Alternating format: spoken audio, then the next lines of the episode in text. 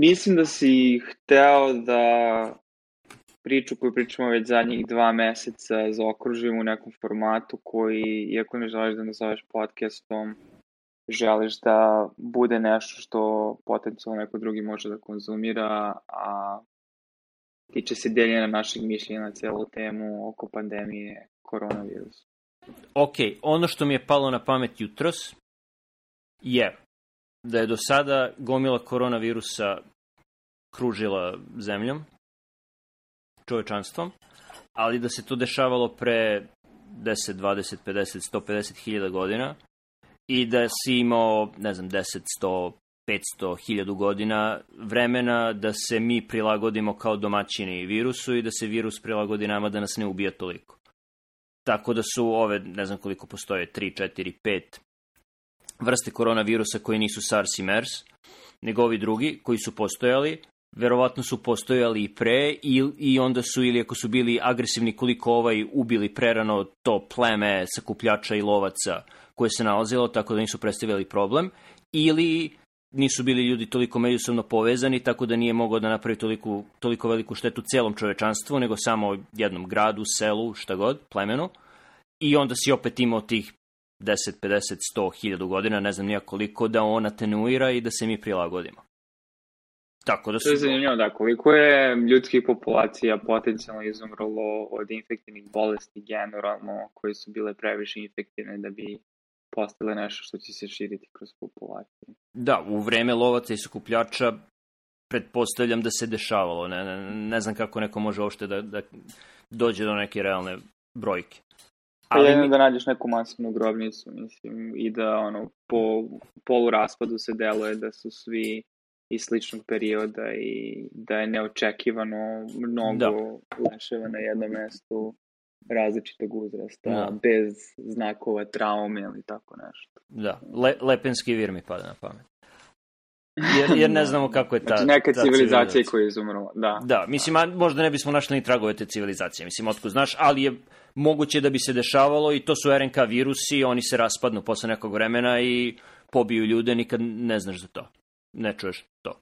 A onda ako su negde između, znači ubiju neke ljude, ne ubijete dovoljno, oni smanje virulentnost, mi povećamo rezistenciju i živimo uzajemno kao što živimo sa drugim koronavirusima. I ovo je sad situacija gde smo povezani nego što smo bili sad smo povezani nego što smo bili pre 15 godina sigurno, jer pre 15 godina nije postojao Belt and Road, nije Kina pravila infrastrukturne projekte svuda po svetu, nije postojao global... I broj ljudi koji mogu da priušti internacionalnu avijansku kartu da putuje po svetu da bi privređivalo i onda se vraćalo da posećuje svoje porodice u domovini je bio mnogo manji, verovatno. Da, tako da, a i to postoji, ne znam, od 11. septembar je malo smanjio putovanje, ali nakon, ne znam, 3, 4, 5 godina nakon 11. septembra i do prošle godine putovali smo mnogo, mnogo više. Znači, to su više struke, više struku povećanje. Tako da je moguće da je to signal da to možda nije održivo i da je jedan način na koji će ovo da se završi to da ćemo morati malo da obuzdamo međusobnu povezanost, jer će se desiti ovakve situacije i onda nećemo moći da ih kontrolišemo. Um, pa nećemo mi morati da obuzdamo, ja mislim da će ljudi sami po sebi odlučiti da manje putuju. Jednostavno, u svakoj osobi će se razviti novi um, interpretator stvarnosti, šta da kao jedno od promenljivih. Mislim, doći, doći će do ažuriranja sistema, da tako kažem, da ćeš ti sada imati u obziru u obziru uzimati potencijalan rizik od neke nove infekcije, te će stoga u teoriji velikih brojeva, mislim, u proseku verovatno otpasti internacionalno putovanje. Razumeš? Da će ljudi uzimati taj rizik u kalkulaciju. Da, ali pitanje je da li je, ne, ne znamo koji je održiv stepen međunarodnog putovanja s obzirom na, na to koliko, jer do sada nemamo primer da se društvo vratilo na uobičajene tokove, a da je virus još uvek prisutan. To, ne, znači Kina da, se još uvek nije biti... potpuno otvorila zanimljivo će biti posmatrati te oscilacije, jer verovatno u nekom trenutku kada dođe do platoa i opadanja broja obolih, sad pričamo dosta daleko mislim ono par mjeseci, ali, ili možda čak i godine dana, ali kad dođe do platoa, jer očekavamo da će doći do platoa, jer će manje više sve zemlje na neki način sprovesti određene mere um, socijalne, socijalnog distanciranja a, i početi da opada broj slučajeva, tako će i optimizam i samopouzdanje kod ljudi rasti i samim tim će ljudi se vraćati na posao, početi da putuju, ali onda će verovatno doći do novog porasta broja obolelih i onda će u nekom trenutku se doseći neki ekvilibrijum gde će ljudi biti ok sa novim brojem obolih jer neće ono oboljevati ljudi masovno oko tebe, nego možda ćeš čuti ono u nekom drugom gradu, ali ono imaćemo mere predostrožnosti tokom putovanja, ljudi će prati ruke, tružit ćemo se da budemo distancirani. Da će sad infrastruktura samih aerodroma da se promeni način na koji se ljudi čekiraju, čekaju redovima i tako dalje, to je drugo pitanje, ali mislim da će, znaš, biće par oscilacije u smislu opašće broj putovanja, počeće da raste, javit će se novi slučajevi, opašće broj putovanja ponovo, ali ne više nego što je opalo prvi put i onda će kao neka, ovaj, znaš, sinusna funkcija, ili mislim, talasasta kriva koja amplituda opada toko vremena dok se ne nađe ekvilibrijum. Da, ali je pitanje, mora da razmišljaš o najgorem slučaju, šta ako Kina za mesec dana krene ponovo, ljudi počnu da se vraćaju u fabrike, znači misle da su potpuno iskorenili i da se situacija gde su opet jako blizu epidemije i opet sve zatvore. Jer to je onda signal da, da neće moći tako da se funkcioniše. Da, to je deo velikog eksperimenta u stvari, što ova cela stvar predstavlja, to je što um, ima da, i dalje toliko nepoznanica, mnogo, više stvari poznato sada nego što je bilo pre mesec dana, još više nego što je bilo pre dva meseca, jer imamo kolektivno iskustvo iz zemalja van Kine, neke od njih koje, mislim, su i dosta ono, otvorene po pitanju deljenja tih informacija, ali da postoji i ta nepoznanica šta će se desiti kad se kinezi vrate na posao i da će rezultat toga uticati na to kako se drugi ponašaju, mislim da je to i tekako bitno, da. Naročito što smo mi ovde definitivno u Srbiji pretpostavljam e, potrošači onoga što se pravi u Kini. Tako da ako Kina ne može da održi um, proizvodnju kako je imala pre svega ovoga, pitanje je na što će ličiti potrošnja u, u zemljama koje primaju njihove proizvode. Ne. Nije to sad, mislim, dok, dok pričamo o one, shvatimo stvari da tema koji se dotičemo gledaju dosta u budućnost i zasnivaju se na našem međusobnom razumevanju a, toga kakva je situacija trenutno, ali paradoksalno, mislim da, ne paradoksalno, ali da većina ljudi barem u ovom trenutku, u većini zemalja, osim u određenim žarišnim područjima, ne deli isti stav po pitanju ozbiljnosti čitave situacije. Tako da ne znam da li misliš da je a, možda dobro da samo skrenemo konverzaciju malo, malo na širi kontekst, znači neke stvari koje smo kroz ranije razgovore, mislim, već utvrdili kao verodostojni deo, razumeš, modela kojim se sad služimo da pričamo dalje, šta dalje, da možda to pilim između sebe ponovo sada, jer potencijalno uh, postoji neko ko možda misli da je sve ovo i dalje prevara ovaj, različitih interesnih grupa koje se zarađuju na tome što uh, diže panika narod. Koje će da naprave lek. ne, ne, ne, ne, ne moraš da budeš toliko paranoičan pa da, da ne veruješ da će ovo biti ozbiljno. Pričao sam jutro sa Markom, naš Marka, uh, koji živi u Barceloni, u Španiji, koji je upravo, gde je upravo proglašen karantin od dve nedelje, ne znam koji je tačno termin koji oni koriste, možda je vanredno stanje, ne znam. I on, on uopšte nije, on je bio, on je bio pod utiskom da će, čuješ Drinu? Čujem. Super. On je bio pod utiskom da će ovo trajati dve nedelje i da neće imati neke velike posledice, da će to da prođe kroz narod, da će bez velikih posledica i da će ljudi stvoriti imunitet i da će to možda biti neka sezonska bolest kao grip, dođe talas, lečiš ljude, nije problem i to je to. Ali... Je, da, inače samo da se osvrnem na meta komentar toga da zašto se čuju deca u pozadini i zašto ovaj, se čuješ kripanje moje stolice, verovatno, zato što ti sediš kod svoje kuće sa svojom porodicom, a ja sedim u svom stanu i mi vodimo ovu konverzaciju preko Skype-a, ne uže. Da, da.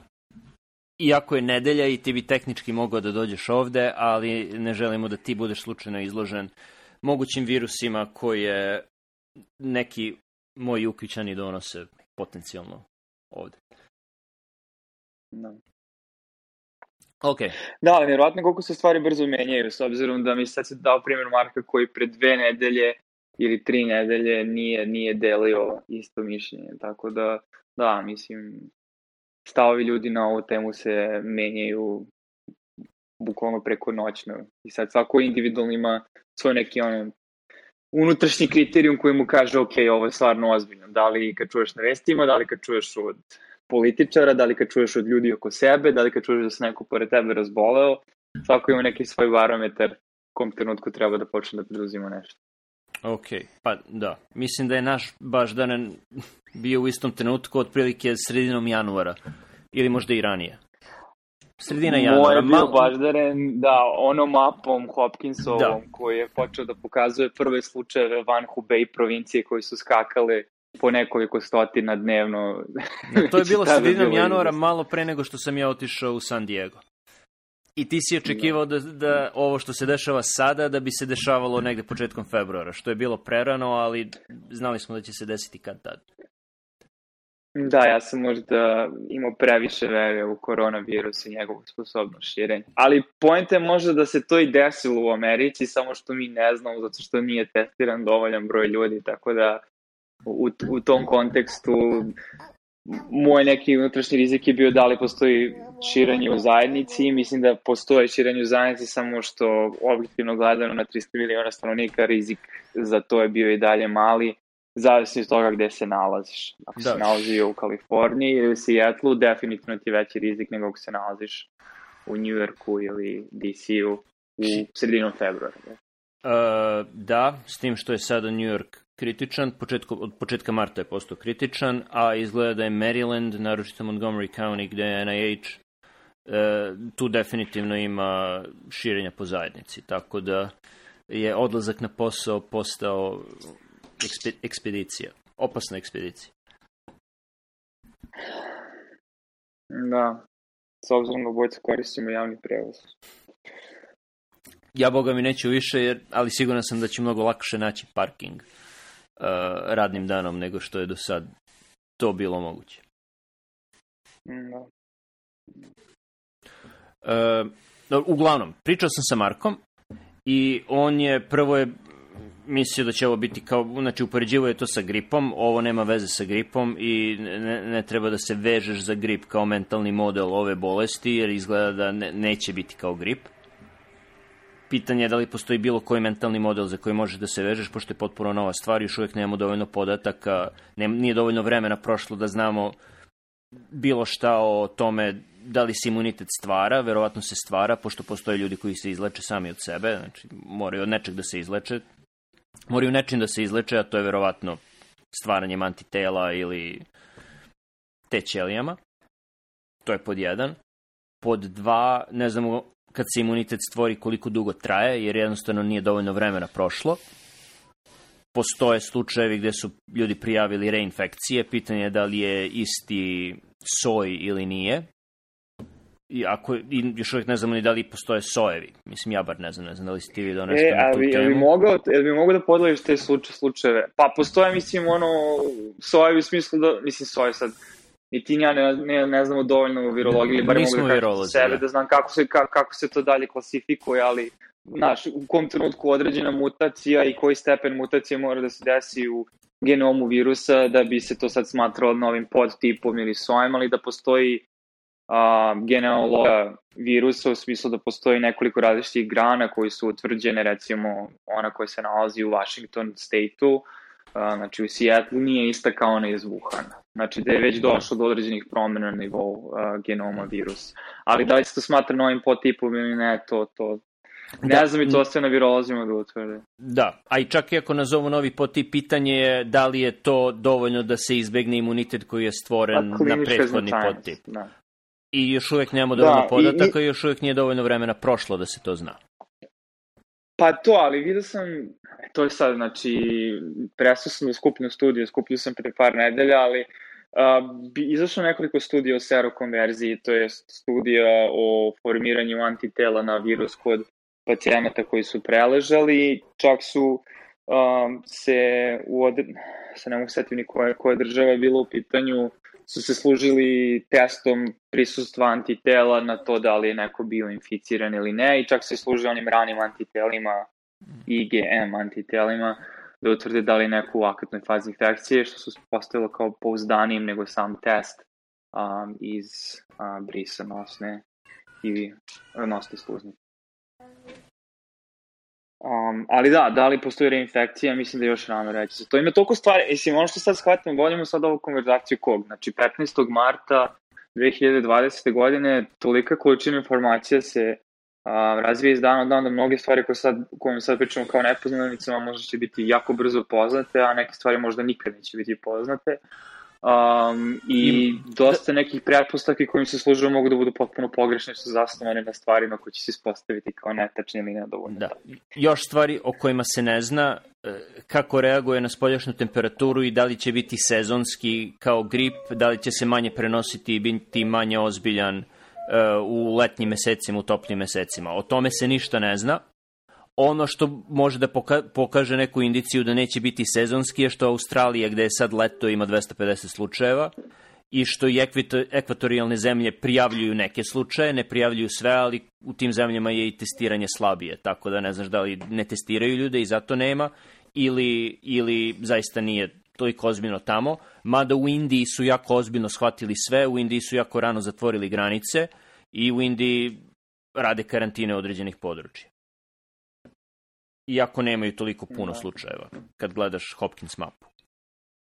Tako da se ne da. zna, ne zna ni o da. tome da li će to biti sezonska stvar. Opet Mark mi je rekao da se nada da hoće i da će možda postojati neki drugi talas i svi to upoređuju sa španskim gripom možda bude imao sličnosti sa španskim gripom, nadamo se da neće smrtnost biti ista, mada ima potencijala da bude mnogo veća, ali nema podataka na osnovu kojih možeš da kažeš da hoće ili neće. To je čista špekulacija.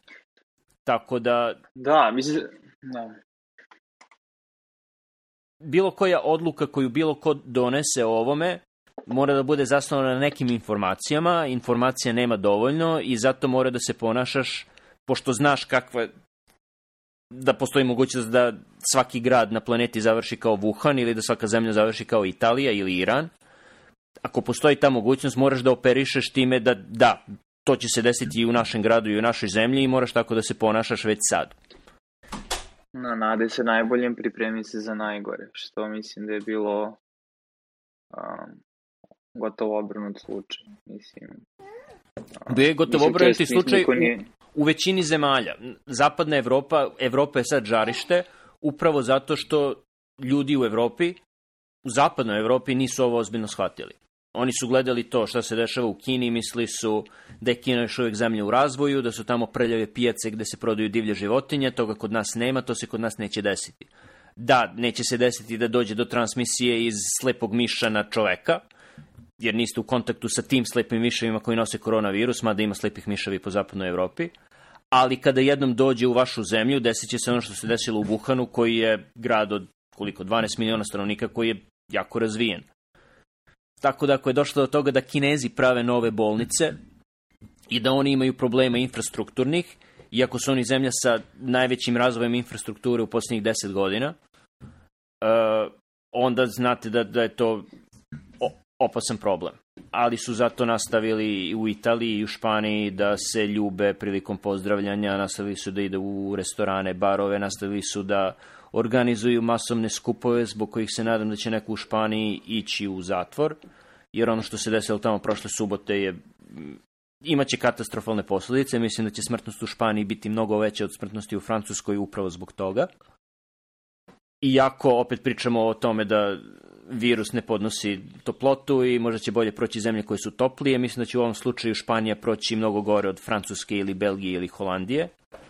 Ali mogu ti reći da ni Francuska, Belgija i Holandija neće proći tako dobro, jer tamo nisu shvatili mediji, pre svega, ne znam za političare, stvar ozbiljno, jer su mediji vrlo rano počeli da govore o korona histeriji i o korona panici i o tome kako ljudi preteruju i pravili su se pametni i veći katolici od pape objašnjavajući kako više ljudi umire od gripa i kako postoje mnogo veće opasnosti, komarci i tako dalje, za ljude koji su trenutno u Evropi u tom trenutku, ne razmišljajući o tome šta će se desiti ne ako, nego kada taj virus dođe u Evropu.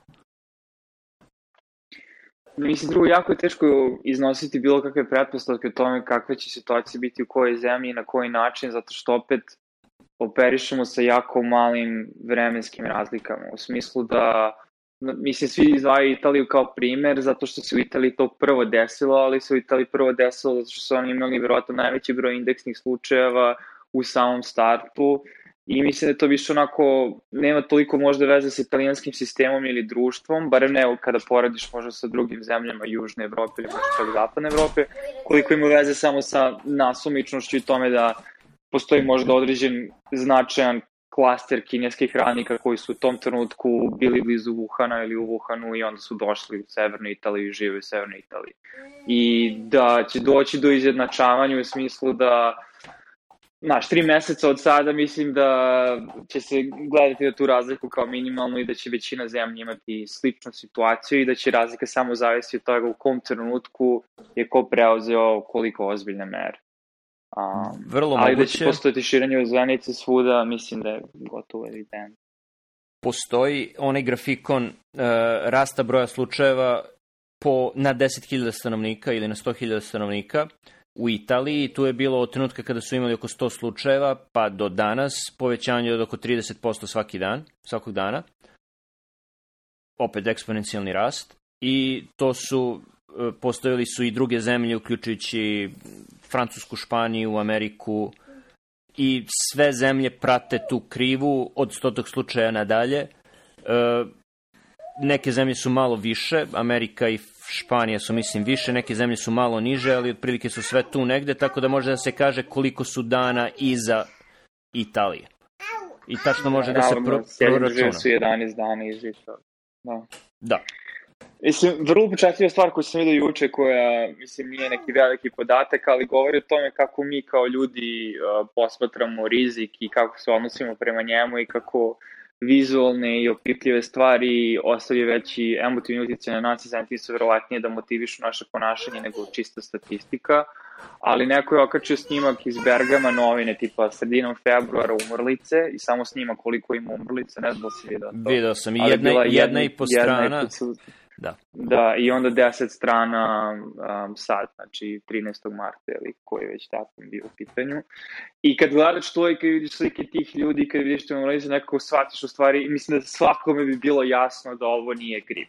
Ali kad pričaš o tome koliko broj ljudi je, koliko ljudi je na intenzivnoj nezi i koliko su preopterećeni intenzivne nege, ta ista informacija ne dopire do ljudi na ta informacija ne dopire do ljudi na isti način. I, i zanimljivo je kako gledamo mi na to. I mislim, sad kad se vratiš na...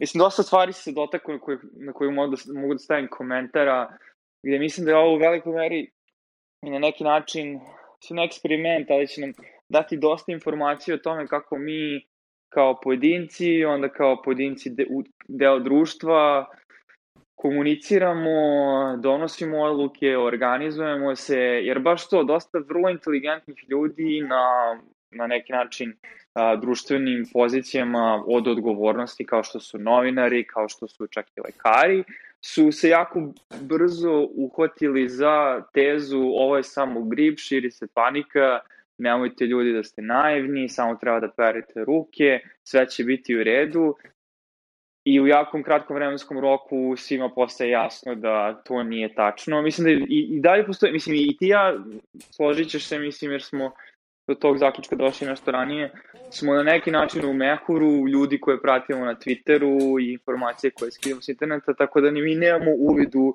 čitavu stanje čitave nacije i uopšte svetske populacije, što govori o tome kada vidiš recimo juče ono snimci iz New Orleansa gde su ljudi mislim ono za St. Patrick's ovaj, izlaze po koleđima ljudi, izlaze nenormalne količine ljudi. Drugar u DC-u što radi u klubu, što smo pričali, pitao sam ga da li radite večeras, rekao je radimo večeras sa smanjenim kapacitetom u duše, ali opet ljudi dolaze i napuni se taj kapacitet u potpunosti. Tako da mislim da i dalje I dalje postoji značajan broj ljudi koji govori o ovome kao da je grip i kao da ovaj, ne treba davati mesta panici, onda jako teško u toj buci svih stvari iskomunicirati, ono, provući pravi signal, zato što ljudi vrlo binarno posmatraju situaciju, znači ili, ili nije ništa i ne treba da se brinu oko toga, ili je najgora moguća stvar na svetu i svi paniče oko toga. Kao da ne postoji čitav, razumeš, kontinuitet scenarija i potencijalnih stvarnosti u okviru kojih, za koje treba da se pripremimo u okviru kojih se ponašamo na vrlo različite načine. Uh, i, I kao da ta subtilnost izmiče ve, većini ljudi i da treba da prođe dovoljno vremena i da onda treba da čuje oko sebe šta dovoljan broj ljudi govori da bi u stvari onda shvatili aha, ok, ovo je scenariju koji se dešava sada i treba da se ponašamo tako i tako. Dobro, pri, pričaš o panici kao da je nešto loše. Mislim da je panika evolutivno korisna. Ljudi paniče kad se nađu u nepoznatoj situaciji koja je potencijalno jako opasna – ovo je školski primer nepoznate situacije, ne samo nepoznate za pojedinca, nepoznate za čovečanstvo, koje je potencijalno jako, jako opasna. Tako da je, ovo je savršeno vreme za paniku ako si pojedinac. Ono što je opasno je masovna nekoordinisana panika i tu treba da uđe država koja će da usmeri tu paniku u korisne stvari. Da. I neke države to rade bolje od drugih. Ono što je najgore što može bilo koji zvaničnik da kaže je da kaže ljudima da ne paniče. Jer se onda stavljaš u poziciju nekoga ko kaže ok, možda vi ne znate koja je situacija, koje su opasnosti i koji je rizik, ali mi znamo i onda ćemo vam mi, mi reći šta treba da radite. To je ispravan odgovor u slučaju elementarnih nepogoda koje su se dešavale i pre, gde su rizici poznati i gde postoji plan. To je potpuno ispravno da ljudi, onda kažete ljudima ne, ne paničite, uradit ćemo ovo, ovo i ovo. Ali ovo je situacija gde ja da sam na čelu bilo koje države, vlade, institucije, ja bih se jako zabrinuo za to šta ćemo sada da radimo, jer ne postoji knjiga, ne postoji učbenik, ne postoje pravila službe, ne postoji ništa što može da te pripremi za ovo. I ovde se pokazuje sad kakav je u stvari kvalitet ljudi koji vode grad, državu, bilo koju instituciju, jer lako neko može da vodi bilo šta ako postoje pravila službe koje ti pratiš, znaš da čak i ako tvoja odluka nije bila ispravna, ako možeš da opravdaš onime što piše u PS-u, ti si okej. Okay. Ali kada... Ne, slažem se sa tobom i... No. Da, kada, kada PS ne postoji, onda ono što možeš da radiš je da se izvučeš na višu instancu i da kažeš pa oni su mi tako rekli, ali ta viša instanca ne zna ništa više od tebe. Znači, na istom se. I, i onda ti si na kraju odgovoran za, za ono čime upravljaš. I tu se vidi ko je ne, ne, slažem se, slažem, slažem se sa to, mislim, ovo na što sam se pre odnosio je etiketiranje kroz paniku i samim tim neki način opovrgavanje uh, i, neki, i, i neafirmacija uh, nečijeg stava, nečijih emocija koje su potpuno razumne u tom trenutku. Um, ali kažem da se to koristi onda kao sredstvo na neki način protiv ljudi koji žele da preduzmu nešto sa ciljem po znacima navoda smirivanja naroda, ali na kraju je to kontraproduktivno jer baš to dovodi do opšte nespremnosti. I ono što je najgore, iste te institucije koje a, pozivaju na smirenje bez konkretnog plana, kasnije gube poverenje naroda nedelju dana kasnije, dve nedelje kasnije, kada te iste institucije onda shvate da moraju da preduzmu nešto i onda u potpunosti menjaju priču, gde se onda ti kao prosječno, kao stanovnik zemlje, kao pojedinac zapitaš, čekajte, pre dve nedelje ste mi rekli da ne paničimo, sada mi zatvarate škole, kažete mi da ne izlazim iz kuće, šta se dešava, vi nemate pojma šta radi. I baš to, otkriva se u stvari nedovoljnost i nespremnost uh, institucija i mislim svi shvatamo ovaj, mislim i na nivou svake države isto se uviđao mislim koje su koje su uh, kad se javi ekstremni stresor na sistem određeni društveni uviđamo koje su sve mane, koje su, koji su gapovi koji postoje u društvu i to ćemo tek da vidimo. Znaš, da li to da nemaš dovoljno zdravstvene infrastrukture i onda su ti, mislim, preopterećene a, bolnice, da li to da nemaš dovoljno narodne obrazovanosti da ljudi ne mogu da razumiju šta znači ograničiti se i smanjiti broj interakcija, da li to da imaš a, vlast koja je nestručna i mislim stručnu javnost koja, koja ne zna kako da se organizuje, ali sve to postaje vrlo evidentno u ovakvoj ekstremnim situacijama. Ovo važi za zabrinjavajuće veliki broj država, naročito u Evropi, ali svuda u svetu. postoji, mo, može se na, na prste jedne ruke mogu izbrojati države čiji je odgovor za sada bio ok. Singapur, Hong Kong, Južna Koreja. Tajvan, možda Izrael, možda Honduras, možda Crna Gora. Od tih zemalja Južna Koreja je najveća. Šta je Crna Gora uradila? E, Crna Gora nema do sada ni jedan zabeležen slučaj, ali su uh, imaju predvanredno stanje i već imaju veliku uh, Bože, zaboravio sam reč. Uh, imaju reklame sa time da ne treba ljudi da izlaze itd. itd. Znači, već su počeli da promovišu socijalno distanciranje. I testirali su jako veliki broj ljudi. Mislim da su testirali e, isto e, to koliko... koliko ljudi je testirano. Testirano je na stotine ljudi. Na, mislim, baš sam nešto počujem, mislim, sad razmišljam, znači kad su nabrali ove zemlje, samo onako, ko je, ko je neki zajednički faktor, mislim, osim Koreja koja stvarno jeste um, ovaj, mislim, zemlja sa izvesnim velikim brojem stanovnika, znači uporediva sa Srbijom ili zemljama Srednje Evrope. A, sve ove ostale države su na neki način male države, a, oivičene, da li su ostrovske, poluostrovske a, ili na nivou grada države. A, za dosta tih država, eto mogu da sviču Crnogoro, ali stanovništvo je visoko obrazovano, mislim i infrastruktura a, zdravstvena je vrlo razvijena, Um, znaš, različno koji su to faktori koji su doprinali stvari uspehu tih zemalja, jer uh, na neki način možda stvarno u društvima koje su manja ti zaista možeš da napraviš koordinisaniji odgovor, koordinisaniji odgovor.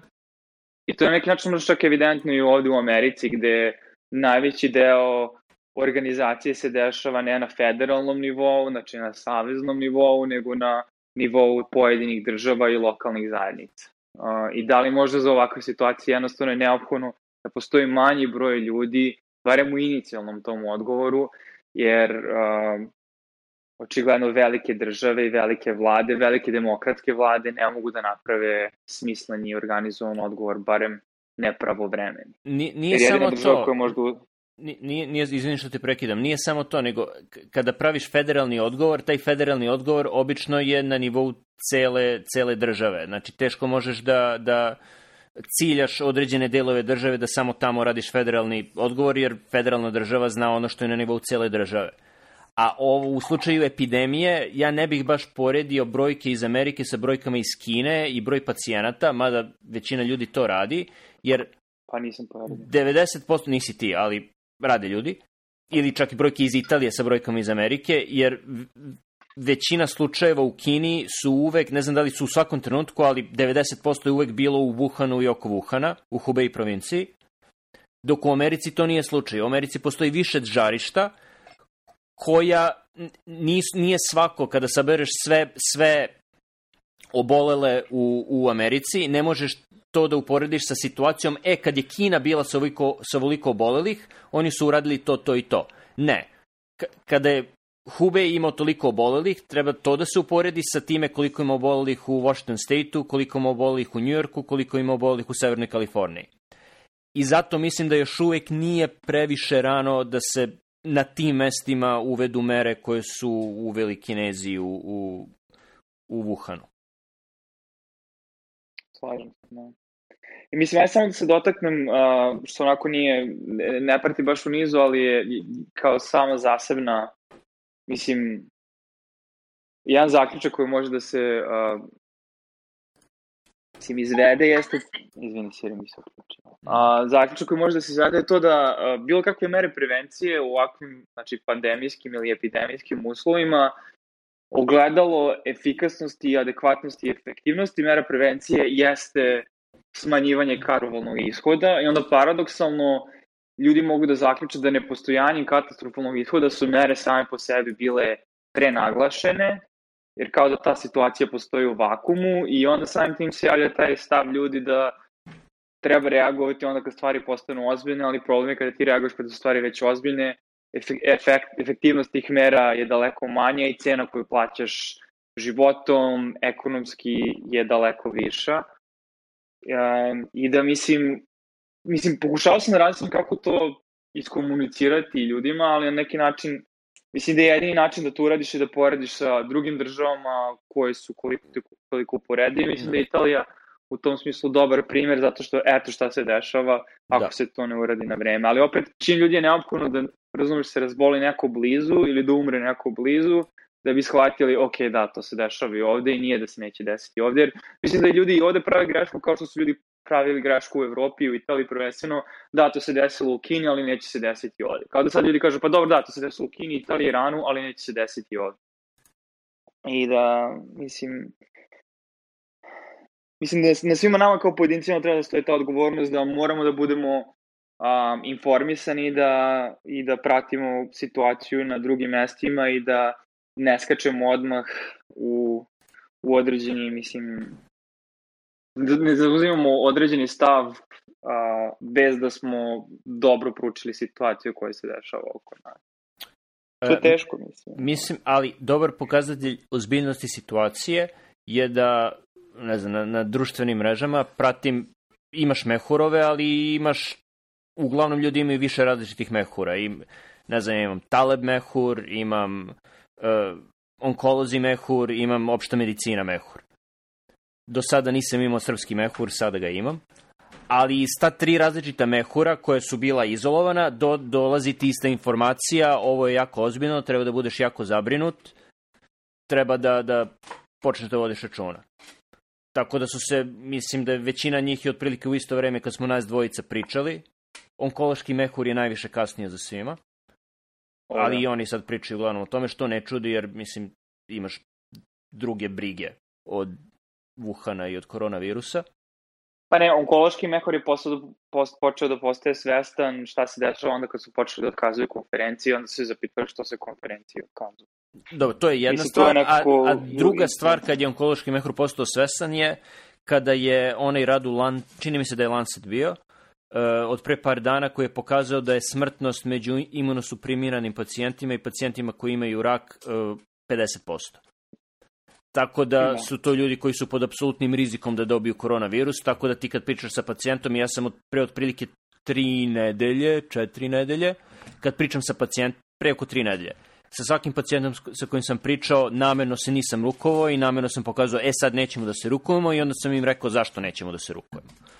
A prošle nedelje da, sam počeo da zovem ljude... Već mesec i po dana masku na posao, mislim, kad me ljudi pitaju zašto, mislim, teško je objasniti zašto, tek pre nedelju dana u stvari možda objasniš ljudima zašto nosiš ne, masku, jer onda teško oni mogu shvatiti da želiš da im smanjiš rizik. Ok, teško je objasniti ljudima koji, ne znam, imaju 0 do 60 godina i koji gledaju one krive smrtnosti i kažu pa dobro i da mi se desi nešto pa šta, ali je vrlo lako objasniti pacijentu koji prima hemoterapiju ili koji je imao transplantaciju koštane srži pre 3 godine i onda mu kažeš ovo ako si, ti se desi i onako imaš slab imunitet protiv virusa, zato još uvek uzimaš aciklovir da ne bi dobio herpes ili, ili zoster ili, ili običan herpes.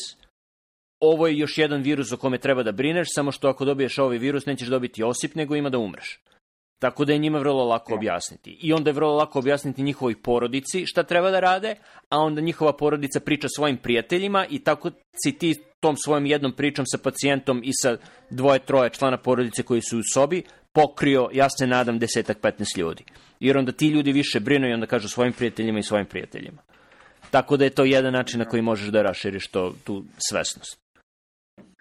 Ok, slaže se. Znači, to je u, u, u domenu tih odnosa, ali u isto vreme ono što je problematično je, da kažem, ne, neki horizontalni domen gde između kolega u okviru tvoje prakse i u okviru drugih praksi postoje postoji određen broj nesuglasica i, i neuniformni stav po pitanju ozbiljnosti situacije i šta treba činiti, onda to predstavlja dodatni problem gde um, ljudi poput toga kako čuju disonantne poruke od političara, tako mogu da čuju disonantne poruke od um, ljudi koji su uzdaju, to su njihovi lekari. Tako da može čuje od svog onkologa tako nešto, ali možda neće tako nešto čuti od svog lekara opšte prakse i već samo podcrtavam koliko je neophodno da mislim, opet različno ono, misli lokalno, to je deli, misli globalno, deli lokalno ili naša odgovornost na tebi kao pojedincu da mislim da i među nama mi treba dalje da širimo o um, informacije adekvatne koje će na neki način uticati na ljude da oni dalje obrazuju svoje pacijente. Ne. Mislim da je ovako, to je tačno. Ogradio bih se da iako me interesuje šta se trenutno dešava sa koronavirusom, imam i svoj posao i mora da pratim tu literaturu koja još uvek izlazi, jer stvari koje sad izlaze su pisane pre dve, tri nedelja, mesec dana, tako da postoji i ne koronavirus literatura koju treba da čitam, postoje radovi koje treba da pišem i protokoli koje treba da vodim. Tako da je najbezbednije za nekoga jednostavno da kaže o ovom virusu ne da ja ne znam ništa, nego niko ne zna ništa i neće se znati sa dobrom sigurnošću još bar još par meseci, tako da je najbolje ponašati se prema njemu kao da je najgora moguća stvar koja je mogla da zadesi čovečanstvo, što možda i jeste. I, I tako si se pod jedan pokrio, pod dva iskren si. I pod tri skidaš sa sebe odgovornost da, ok, ja ću sada čitam sve što izađe u Lancetu, New England Journalu, JAMI o koronavirusu i ja ću biti stručnjak za koronavirus. Jer i te informacije mogu da budu međusobno u sukobu i ne, ne bih želeo da sad ljudi lekari, naročito pre, previše moždanih kapaciteta posvete praćenju detaljne literature o različitim sojevima koronavirusa. Ono što je dovoljno nekome ko se bavi medicinom da zna je da se ovome ništa ne zna, potencijalno je veoma smrtonosno, naročito smrtonosno za ljude koji već imaju probleme, što je većina ljudi koji bilo koji lekar vidi, osim, ne znam, dermatologa ili radiologa. I time, i to, samo napraviš jednu priču o koronavirusu, ne zna se, čuvaj se, peri ruke, ne diraj lice i to je dovoljno. Da, ali viš, e, određeni delovi te izjave mogu da budu um, znaš, da ti, da ti naprave problem u smislu, ti si rekao, znači, opasno je potencijalno, opasno je potencijalno najgora stvar koja se može desiti, on neko ovako može ti kaže, ali zašto širiš paniku, ništa se ne zna, možda, znaš, mislim, ja sad, naravno, ne, ali da, tom, pre, pre mesec ono, dana, ok. bolje advokat, pre da mesec nemamo dana, nikakve dokaze o tome da... Pazi, ne, I, imamo apsolutno dokaze da je potencijalno smrtonosno, dovoljno je ljudima da pokažeš ono što se dešava u Italiji. Znači, možda pre mesec i po dana možda je i moglo to da prođe, kao pa ne znamo, to je Kina, to je daleko, ne zna se. Sad se zna da postoje bar još dve zemlje gde je stanje katastrofalno, Itali, Italija i Iran. Uskoro će postojati i Španija i Francuska, gde neće biti ništa bolje nego što je sad u Italiji.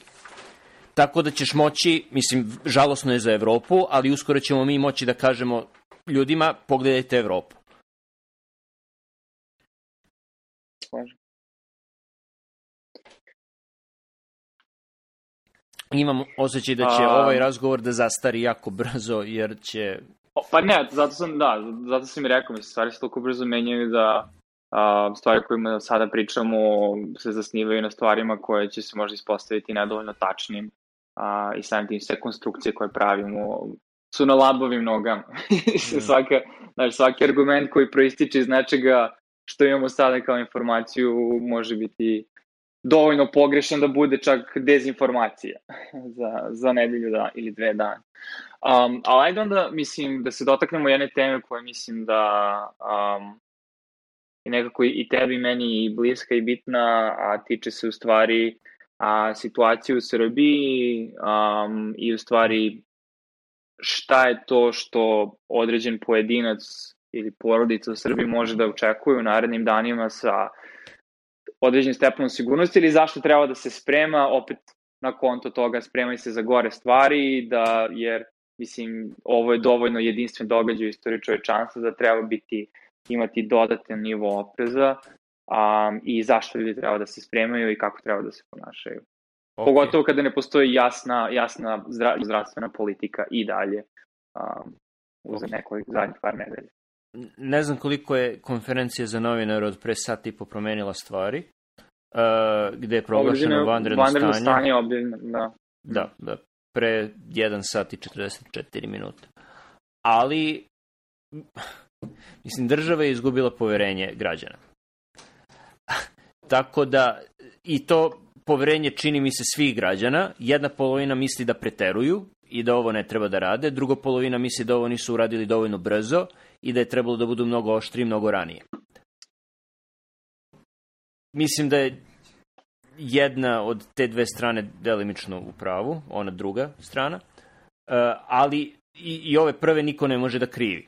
Jer ako ti neko pre par nedelja kaže da je to najsmešnija stvar na svetu, a sada zavodi vadane stanje, jasno je zašto može doći do zabune. Mislim da je najbolje, mislim da je najbolje da, da se svako ponaša kao potpuno izolovana jedinica, jedna porodica koja treba da bude potpuno paranoična i koja ne može da se osloni ni na koga i da bude samo dovoljna i da vidi svaku pomoć koja dođe sa strane, da gleda sa zahvalnošću, ali da ne može da računa na tu pomoć.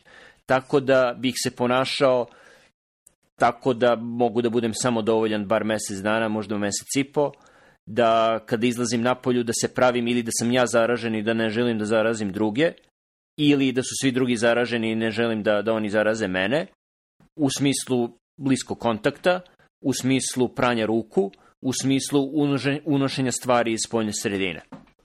Mislim da, da potpuna paranoja u prvih par nedelja pomaže. Ako neko pomogne, ako stvarno krenu raznosači hrane, raznosači e, sredstava za higijenu da dolaze od kuće do kuće i da donose, super, hvala im, ali ne bih na to mogao da računam.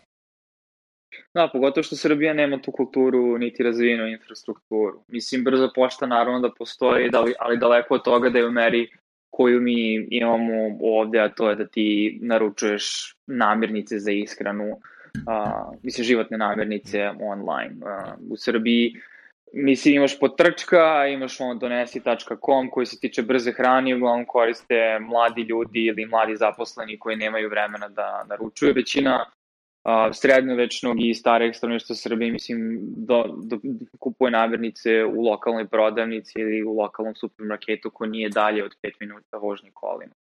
Tako da ne znam uopšte da li ima dovoljan, znaš, da li naša mreža poštna i mreža pošti i, i a, a, dobavljača i mislim uopšte može da ispuni kapacitete, tako da kažem. Tako da mislim da najrealniji scenarij stvari da ljudi sami sada se snavljaju određenim količinom hrane koja ima malo duži rok trajanja, što podrazumeva izvor ugljenih hidrata kao što su pirinač, pasulj, mislim ne u konzervi, nego pasulj, a, potencijalno brašno, pošto ima ljudi koji i prave hleb, a, i da budu u stanju da ne izađu 3, 4, 5 nedelje iz kuće, nego da budu u okru svoje kuće ili da smanje taj broj izlazaka na minimum i da definitivno ne idu po kafićima i javnim okupljanjima. O, ono, što, ono što mora da kažem, i jedino sam primetio da je predsednik Hrvatske to uočio, niko drugi premijer Hrvatske i predsednik i premijer Srbije nisu, da ljudi treba da prave zalihe ne zato što misle da će to nestati i ne zato što misle da država nema dovoljno robnih rezervi, već da bi smanjili kontakt sa drugim ljudima i ne bi išli toliko često u kupovinu. Znači, to je razlog da se prave zalihe, a ne zato što će nestati iz prodavnice.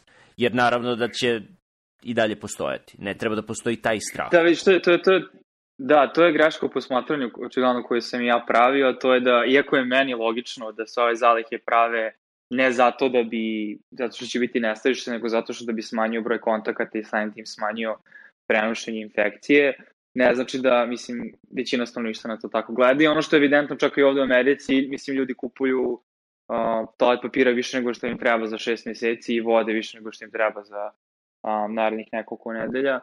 Um, verovatno nošeni time, plaše se nešto stvari. Mislim, naravno, možda smo mi u potpunosti u krivu i možda, razumeš, ja sad razmišljam o Srbiji i um, mislim, lancu dobavki i od proizvođača do potrošača, šta ako se u nekom pogonu, tipa nekom silosu žita, desi klaster infekcije dovoljan da se taj silo zatvori, onda dobavljač koji, mislim, ono, pravi brašno ne može da melje to žito i onda to brašno ne može da se iznese na rafove, razumeš? Mislim da je Srbija po tom pitanju mnogo krhkija od nekih drugih nacija samo zato što lanci dobavke su mnogo manji, ograničeni, samim tim, da kažem, fragilni i podložni, uh, mislim, stresorima.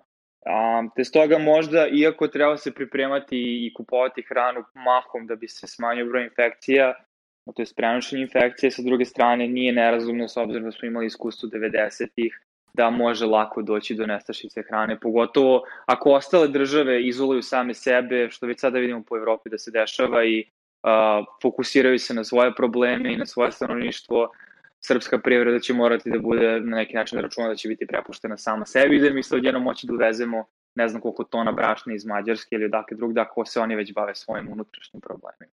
Tipa mesec dana od sada. Dobro, zato Tako da mislim prave... nije isključeno, ali kažem... Da. Zato se prave robne rezerve. Mislim, mislim da Srbija nije toliko neozbiljna država da, da nema zaliha da snabde populaciju za par meseci. Mislim, to je... To su element, elementarno vođenje države koje znam iz igranja civilizacije na kompjuteru. No, no. Bar, barem si izneo svoj ovaj, svoje, svoje, svoje kvalifikacije Jes, iskreno, jesmo, ja nisam. Jesmo, jesmo li rekli ja da smo onkolozi? Mislim, nisam epidemiolog, nisam da, virolog, nisam političar. Uh, ali mogu da pogledam. Ali, ali, ali mogu da vam dam stav na sve. ali mogu da dam svoje mišljenje o bilo čemu. Da. Da, ali, i pogotovo što mislim, i to je ono osnovni problem čitave ove situacije koji mi možda donekle doprinosimo, ali da. Pa, e, mislim da je situacija dovoljno jasna onome ko ima mozak i razume brojeve, što nisu, nisu svi ljudi. Znači, razumem da neko se plaši statistike i da ne razume kako funkcioniše eksponencijalna kriva itd. itd. Sada bar ima dovoljno tutoriala po internetu o tome.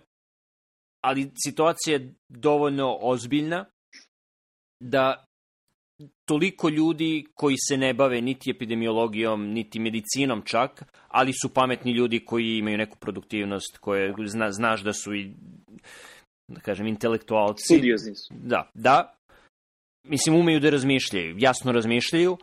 Dovoljno njih je jako, jako zabrinuto za ovu situaciju i vide da ljudi kojima je posao da brinu o tome ne brinu dovoljno u, u zemljama koji su na pozicijama moći da i oni dižu galamu. I mislim da je ovo pravo vreme da svi dižu galamu, jer je ovo situacija gde mene ako za 20 godina pita dete, a šta si ti radio tata tad, mogu Znam, bar ja da im kažem, da. mogu da im kažem, da. umeo sam da prepoznam koliko je situacija ozbiljna i nadam se da sam bar nekako doprineo da i drugi ljudi shvate koliko je situacija ozbiljna.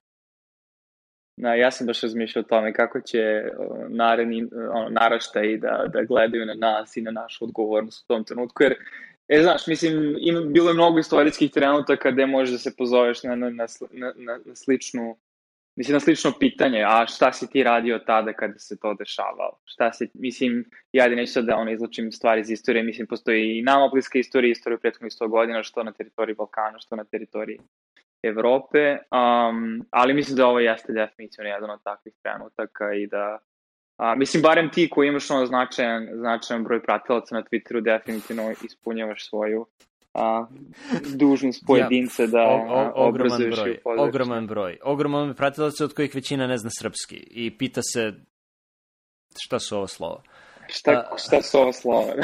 Čirilica. Dobre, um, jedna stvar koju sam samo teo da kažem, pošto, mislim, hajde da, da malo budemo jasni na tu temu samo. A, trenutno mislim da je u Srbiji razumno, naravno ne treba jurcati u samo posloge, gurati se sa ljudima i kupovati 100 kila brašna, ali da treba svaka porodica da iskalkuliše, je sad, zavisnosti od ono, mogućnosti da se to iskalkuliše, ali i drugo ljudi mogu sami da prepoznaju koliko im hrane treba, ali između znači, 1000 i 2000 um, kalorija dnevno pound domaćinstva iz različitih izvora, mahom hidrata, ako mislim ljudi imaju sredstava definitivno proteina u vidu mesa ili drugih proizvoda. Um, I mislim da je akcenat ne treba bacati previše na uh, sveže voće i povrće s obzirom na mislim, rok trajanja svega toga, pa čak i u frižideru i da eventualno smrznutog povrća koje može da, mislim, doprinese količini vlaka na koju neko unosi na svakodnevnoj osnovi, ali u smislu samo treba imati u vidu da treba imati te namirnice za 4 do 6, naravno svako ima sad tu svoj individualni rizik, um, nedelja, um, kako bi bio u situaciji da, pogotovo ako imaju neku sa hroničnom bolešću i znači, stariji pojedinci u domaćinstvu, ne moraju sebe da izlažu dodatnom riziku odlaska u kupovinu svakog dana ili odlaska u kupovinu svake nedelje. Apsolutno. Mislim da... Um, I još jedna stvar, da, ajde, kaži. Pa, hteo bih da kažem da... Uh, pretpostavljam da sada kada se proglasilo vanredno stanje ili vanredna situacija ili kako god je zovu, da će gomila ljudi krenuti da kupuje i više nego što je kupovalo obično. Sledeća dva, tri dana su verovatno, to je znači od 15. do 18. marta, najgore vreme da se to radi, jer će jako puno ljudi koji su zaraženi, a sigurno ima u, ljudi, u, Srbiji ljudi koji jesu zaraženi, a nije, nisu potvrđeno zaraženi. Uh, ne želite sa njima da se mešate u prodavnici ili ako ste vi jedan od njih, ne želite da zarazite druge ljude. Tako da, ako je ikako moguće, ne bih izlazio iz kuće sledeće 2-3 dana, definitivno. Čak ni u prodavnicu. Po cenu mogu bez hrane 2-3 dana. I onda sledeći dan kad izađem, onda ću kupiti ono što mi treba, jer opet neće doći do nestašice, neće to nigde nestati, prodavnice će još uvijek imati hrane, a za par dana će ljudi navići da ne treba da nagrću u prodavnicu i moći će da se kupi ono što je potrebno, s tim što kad idete u kupovinu kupite duplo više, ako je ikako moguće, od onoga što inače kupujete. Znači, to je poenta. Ali oni koji su znali šta dolazi, koji su napravili neke zalihe ili imaju zimnicu koju inače prave ili imaju imanje i imaju gomilu hrane domaćinstva, oni treba da identifikuju ljude iz svoje okoline koji su rizične grupe, znači stariji, ljudi koji imaju rak, koji imaju bolesti pluća, druga hronična oboljenja, za koje bi bilo rizično u bilo kom srčana slučaju bolest. srčana bolest, za koje bi bilo rizično da u bilo kojoj situaciji izlaze, čak i za kupovinu namirnica, i njima ili da ponude svoje namirnice ili da im ponude da odu u kupovinu za njih. I to je ono što mladi 15 plus godina do 40. 50. ajde i sebe da ubrojimo mlade, to je ono što bi oni mogli da urade. Ako ništa drugo, možete da ponudite onima koji jesu ugroženi i koji imaju 15 do 50% šanse da umru ako dobiju virus, da, da im pomognete bar da, da napravite namirnice, pošto sumnjam da su oni bili na bilo koji način spremni za vanredno stanje kad im je neko pre tri nedelje rekao da je to najsmešniji virus na svetu. Ili najsmešniji virus u istoriji. Ne sećam se kako je beš. Najsmešniji virus u istoriji, da. Um, još jedna stvar koju, mislim, sad želim da se nadovežem, a mislim da, da onekli dalje postoji određen stav um, dela javnosti, a to je da s obzirom da mladi ljudi nisu pod rizikom, s time mladi ljudi ne moraju da a, se sad upropusti svoj život, da se oni, mislim, izoluju, da se ne viđaju sa prijateljima, ali na neki način delimično to što, mislim, i ti sada kažeš, a, ne, a, neophodnost mlade osobe da bude a, spremna da bude podrška svojim a, članovima porodice u a, situacijama koje potencijalno neko njih može da se razboli. Jer iako možda ako se potencijalna mlada osoba razboli, neće završiti na ventilatoru ili kako ga u Srbiji zove respiratoru. A, a, s druge strane, ako ta mlada osoba barem ima temperaturu ili čak razvije upalo pluća, ali može da bude kod kuće, ta mlada osoba više ne može da a, pomogne svojim članima porodice u smislu ako treba da ih negde odveze, ako treba da im nešto kupi, ako treba nešto da im donese. Tako da odgovornost na mlađim ljudima koji imaju manji rizik od ozbiljnih ishoda jeste na tome da sačuvaju sebi, sačuvaju druge prvo da ne budu prenosioci infekcija, sa druge strane da budu zdravi u trenucima kada budu bili potrebni članima svog domaćinstva, pogotovo znajući da scenarij u Srbiji koji će se desiti je mnogo manje verovatno da će biti nalik Južno, Južnoj Koreji i mnogo više verovatno da će biti nalik Italiji, ako ne i gore, a, i da samim tim treba razmišljati nekoliko nedelja ili meseci napred i samim tim taj rizik, mislim kumulativno gledano iz dana u dan, nedelju u nedelju, je dovoljno veliki da svako treba da modifikuje svoje svakodnevno ponašanje. A, još jedna stvar u stvari koju sam teo da kažem, a, o kojoj sam razmišljao pričajući sa svojim roditeljima, jer na, mislim barem u, u krugu moje porodice sad postoji stav da je to trenutno stanje i da se treba ponašati tako, da se treba um, ograničiti i socijalno distancirati, jeste koje su stvari koje nas mogu iščekivati u narednim nedeljama i naravno ima mnogih nepoznanica, ali mislim da sa određenim stepenom sigurnosti možemo da pretpostavimo neke stvari. Pogotovo imajući vidu, pričajući sa porodicom, prijateljima, da barem na lokalnom nivou već postoje slučajevi, samim tim da postoje transmisije u zajednici u okviru manjih mesta u Srbiji. Um, a to je da u narednim nedeljama mislim da će, mislim, ljudima definitivno doći vesti u smislu da neko koga oni poznaju ili neko ko njima blizak se razboleo. Um, postoji šanse da će saznati da pogotovo ako je taj neko ko je njima blizak ili neko koga poznaju starija osoba, pogotovo ako ima nekih od mislim, nezaraznih oboljenja koje smo pričali, znači srčna bolest, rak i tako dalje, je ozbiljno oboleo. I postoji šansa da će čuti da će ta osoba biti u bolnici. I da u tim situacijama, mislim, će se jednostavno ljudi staviti pred izazove koje nisu možda imali ranije u životu, to je da možda neće biti u situaciji i mislim ja čak savjetujem protiv toga, ali da ne bi trebalo da idu da posećuju te ljude. Uh, jer Uh, iako mislim zvuči možda pomalo i previše rigorozno, mislim nivo zaraznosti ovoga i, i stepen širenja su dovoljno visoki i treba ih shvatiti ozbiljno, tako da mislim da će pred značajnim brojem ljudi u narednom periodu biti taj izazov. I čak mislim da će možda čuti da nekoga poznaju ili neko koji mi je blizak će potencijalno i a, nažalost umreti od ove bolesti. I opet oko toga sve i sve stvari koje podrazumevaju kao deo naše kulture, a, organizaciju oko sahrane, sahrane, okupljanje ljudi, izjeljivanje saučešća, mislim da će se stvari korenito promeniti u narednom periodu zarad bezbednosti ostatka populacije. Ne znam, ne znam da, li, da, li, da li si razmišljao o tome i da li, da li, da li imaš stav na tu temu. Uh, da li sam razmišljao o čemu konkretno? Rekao si dosta stvari. Pa o tome da mislim, pa ne, ali da će ljudi znači, na neki način shvatiti da će ili oni sami ili nekoga oni poznaju se razboleti i da neće a, biti u situaciji da budu podrška ili čak mislim da neke, što su, neke socijalne norme koje se inače ispunjavaju neće moći da budu ispunjene. Tipa poseta bolnici, odlazak na sahranu, izjavljivanje saočešća i tako dalje. Lično. Uh, Mislim da nisam išao toliko daleko, iskreno nisam toliko razmišljao o tome. Uh, socijalno distanciranje mi nije teško, niti strano, tako da ja lično neću imati problema sa tim. Mogu da razumem da drugi ljudi hoće.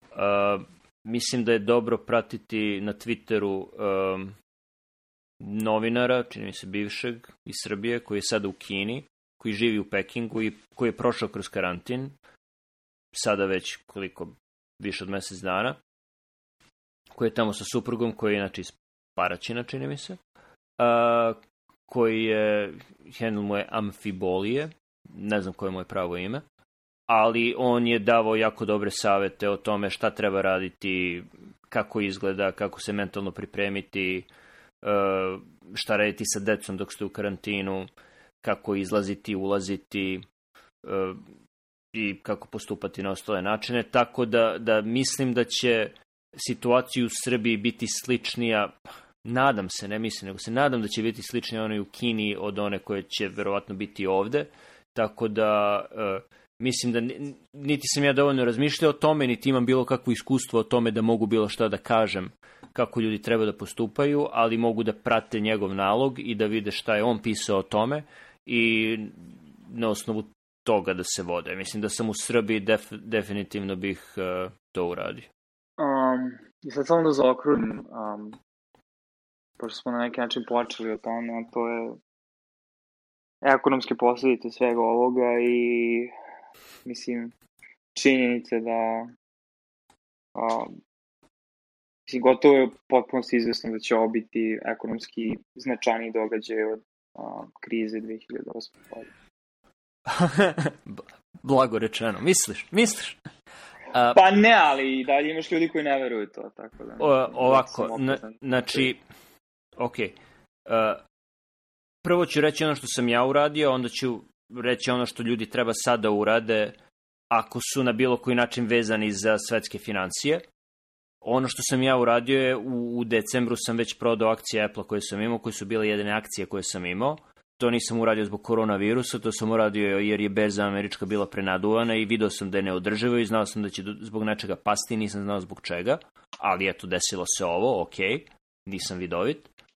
E, tako da ne treba da imati bilo kakve veze sa berzom, akcijama, bilo kojim financijskim proizvodima sledećih ne znam, šest meseci, godinu dana, možda i duže od toga, jer će ovo imati toliko ozbiljne posledice po uh, proizvodnju, po globalne lance nabavke i po financije. Uh, do tih posledica tržište pod navodnicima još uvek nije svesno i te posledice još uvek nisu uračunate u cenu akcija na berzi i kada budu počele da, da, da se uračunavaju, mislim da ovih 10% ili sad je pala 20 i nešto posto, čini mi se, Dow i S&P, to će biti smešno.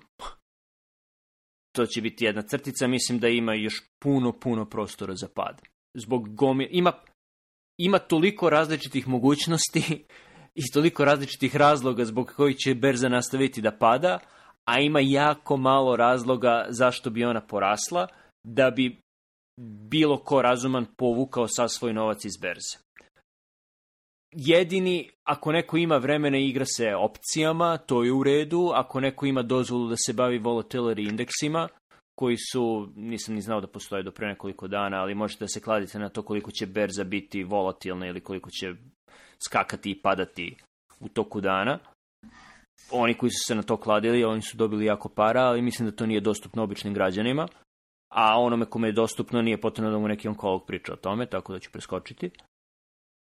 Ali to, to znači, bilo kakve veze sa berzom. To uključuje i moj penzioni fond, gde sam, ono, kad smo pričali, kad, pre nego što sam otišao u San Diego, prebacio sam sav novac iz akcija u državne obveznice, e, koje će isto pasti, ali nadam se da će pasti manje nego što su do sada pala akcije i to se pokazalo tačno. Tako da, ok, super. U nekom trenutku ću prebaciti kupovinu novih stvari jer mi isplate, sad, sad je 5, prebacit ću na 10%, ide na kupovinu nečega za penziju. Prebacit ću da deo toga ide i na akcije, ali ne još jer mislim da ima još uvek puno prostora za pad. I sad možemo da pričamo koji su ti mogući scenariji zbog kojih će padati berze i zbog kojih se svetska privreda verovatno neće oporaviti u dogledno vreme, ali možemo to da ostavimo i za, i za sledeći razgovor. Ne moramo sad.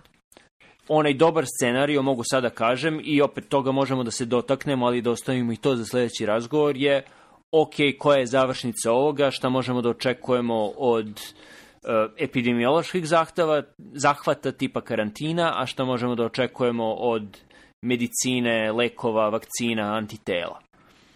I ono, jako povoljan, jako malo verovatan, ali moguć scenario koji vidim je da antiviralna terapija koji sada postoji, ova protiv ebole i u Kini postoji jedan lek koji je odobren samo tamo, Feminavir ili tako nešto za, za influencu, da oni budu efikasni za, ako ništa drugo, onda bar ozbiljne e, slučajeve covid -a.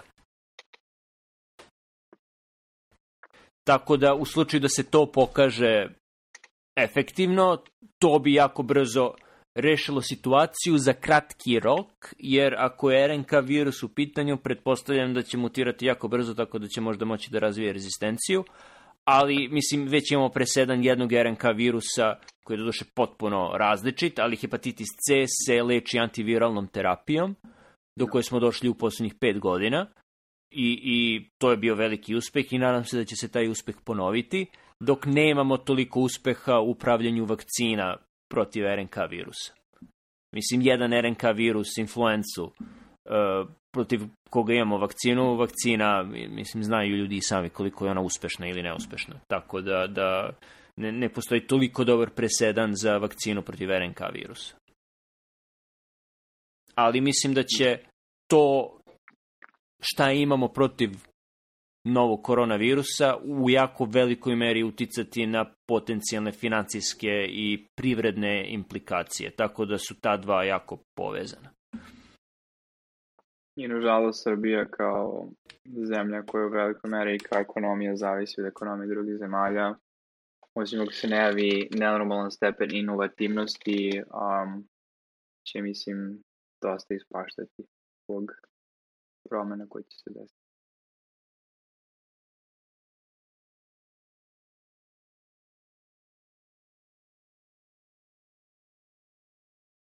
Pa da, video sam pre, da li je nedelju dana ili manje čak od nedelju dana da je neko, da li je predsjednik privredne komore ili ne, ne, neki analitičar ekonomski koji pravi projekcije rekao da ovo ne bi trebalo toliko da utiče na privredu. Uticaće, ali ne toliko i još uvijek možemo da očekujemo privredni rast od XY%. Mislim da je to neverovatna zabluda, mislim da treba da se spremi država, ljudi za veliki ekonomski pad koji je mnogo verovatniji. Da li će do njega sigurno doći? Ne, ali je jako vrlo verovatan. Postoji jako malo scenarija gde Srbija neće ekonomski ispaštati, gde sve zemlje sveta neće jako ekonomski ispaštati. Ovo je pogubno po svetsku ekonomiju kakva sad postoji i osim ako ne dođe do konačnog leka koji će potpuno sve rešiti, ovo će promeniti svetsku ekonomiju za sledećih bar nekoliko godina, možda i duže od toga. Slažem se. Mislim, možemo da ostavimo tu konverzaciju za drugu priliku, ali da. Da. Ok, i, i jako optimistično. Pa opet sa druge strane ako je nešto optimistično u a, kontekstu ljudi sa našeg podneblja iz našeg područja, što nam ove stvari nisu strane i što na neki način svako ima barem u određenoj meri iskustva sa tim šta se desi kada a, svakodnevni život a, i njegove koordinate očekivanja se značajno promeni, tako da ako ništa drugo, ljudi će znati da ćemo opet biti okrenuti više sebi, svojim porodicama i a, ceniti neke stvari koje možda a, inače zaboravljamo u uslovima koji su mnogo mirniji. Da. Upravo život je mnogo vredne stvari. Život u 21. veku je vrlo veliki luksus s obzirom na istoriju naše civilizacije. Tako da mnogi stvari koje smo imali i koje imamo sada a, daleko prevazilaze naše nasušne potrebe kao sisera koji hoda na dve noge. Dobro, e, ok, da završimo optimistički. Ok, Optim, mal, malo optimizma, da unosimo dozu optimizma u dan kad je zavedeno vadeno stanje u Srbiji i kada većina ljudi u Americi još uvijek nije svesna ozbiljnosti problema. Možda ne većina, ali dovoljno veliki procenat da, da to postane problem. Ovo jako smanjuje šansu da se čovečanstvo okonča nuklearnim holokaustom ili da klimatske promene budu mnogo veći problem jako brzo, jer ako ništa drugo, ovo će jako smanjiti potrošnju fosilnih goriva, tako da će biti jako dobar prirodni eksperiment da vidimo kako će izgledati temperature u sledećih nekoliko godina.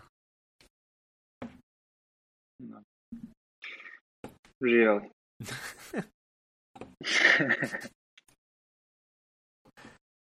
Ok, da. Uh, hoću Ako da ništa drugo, pričat će se dobre vicevi. Eto, naš narod će da smisli dobre viceve. Uh, video sam mimove na različitim Viber kanalima. Za sada nisam entuzijasta, vidjet ću. Ok. Ok, sat i 15 minuta. Da prekinem. 3, 4,